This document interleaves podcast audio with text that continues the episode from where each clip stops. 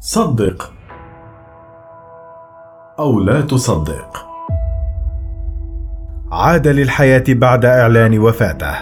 ما قصة هذا الرجل؟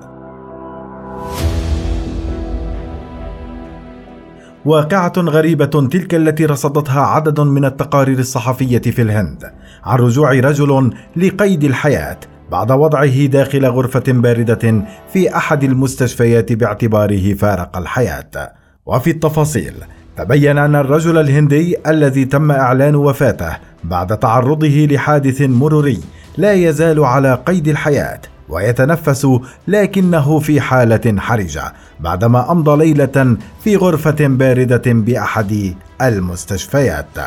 وكان سراكيش كومار البالغ من العمر 45 عاما قد نقل إلى عيادة خاصة بعدما صدمته دراجة نارية في مراد أباد الواقعة إلى الشرق من نيودلهي وأعلن أحد الأطباء لدى وصول كومار إلى العيادة أنه فارق الحياة ثم نقل الجمعة إلى مستشفى عام لتشريح جثته والانتهاء من تصاريح الدفن.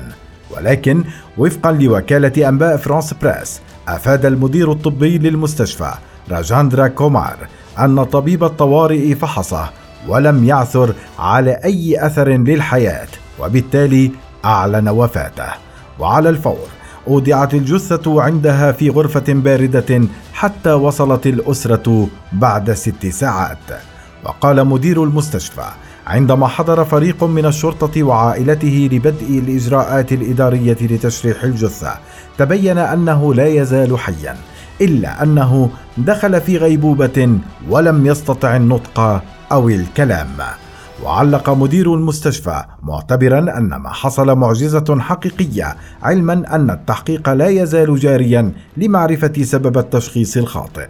وفي التفاصيل تبين أن الرجل الهندي الذي تم إعلان وفاته بعد تعرضه لحادث مروري لا يزال على قيد الحياة ويتنفس لكنه في حالة حرجة بعدما أمضى ليلة في غرفة باردة بأحد المستشفيات.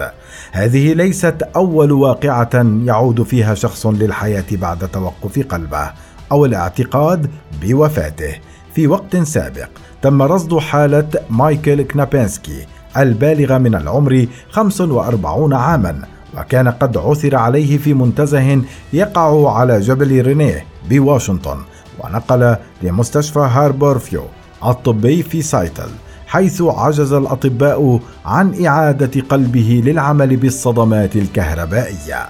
وكانت المفاجأة حسب ما نقلت شبكة سي إن إن الأمريكية عن طبيبة وحدة العناية المركزة في مركز جينيل بادولاك قولها أن قلب كنابينسكي عاد للنبض مجددا بعدما توقف لخمس وأربعين دقيقة قائلة أنه عاد من الموت.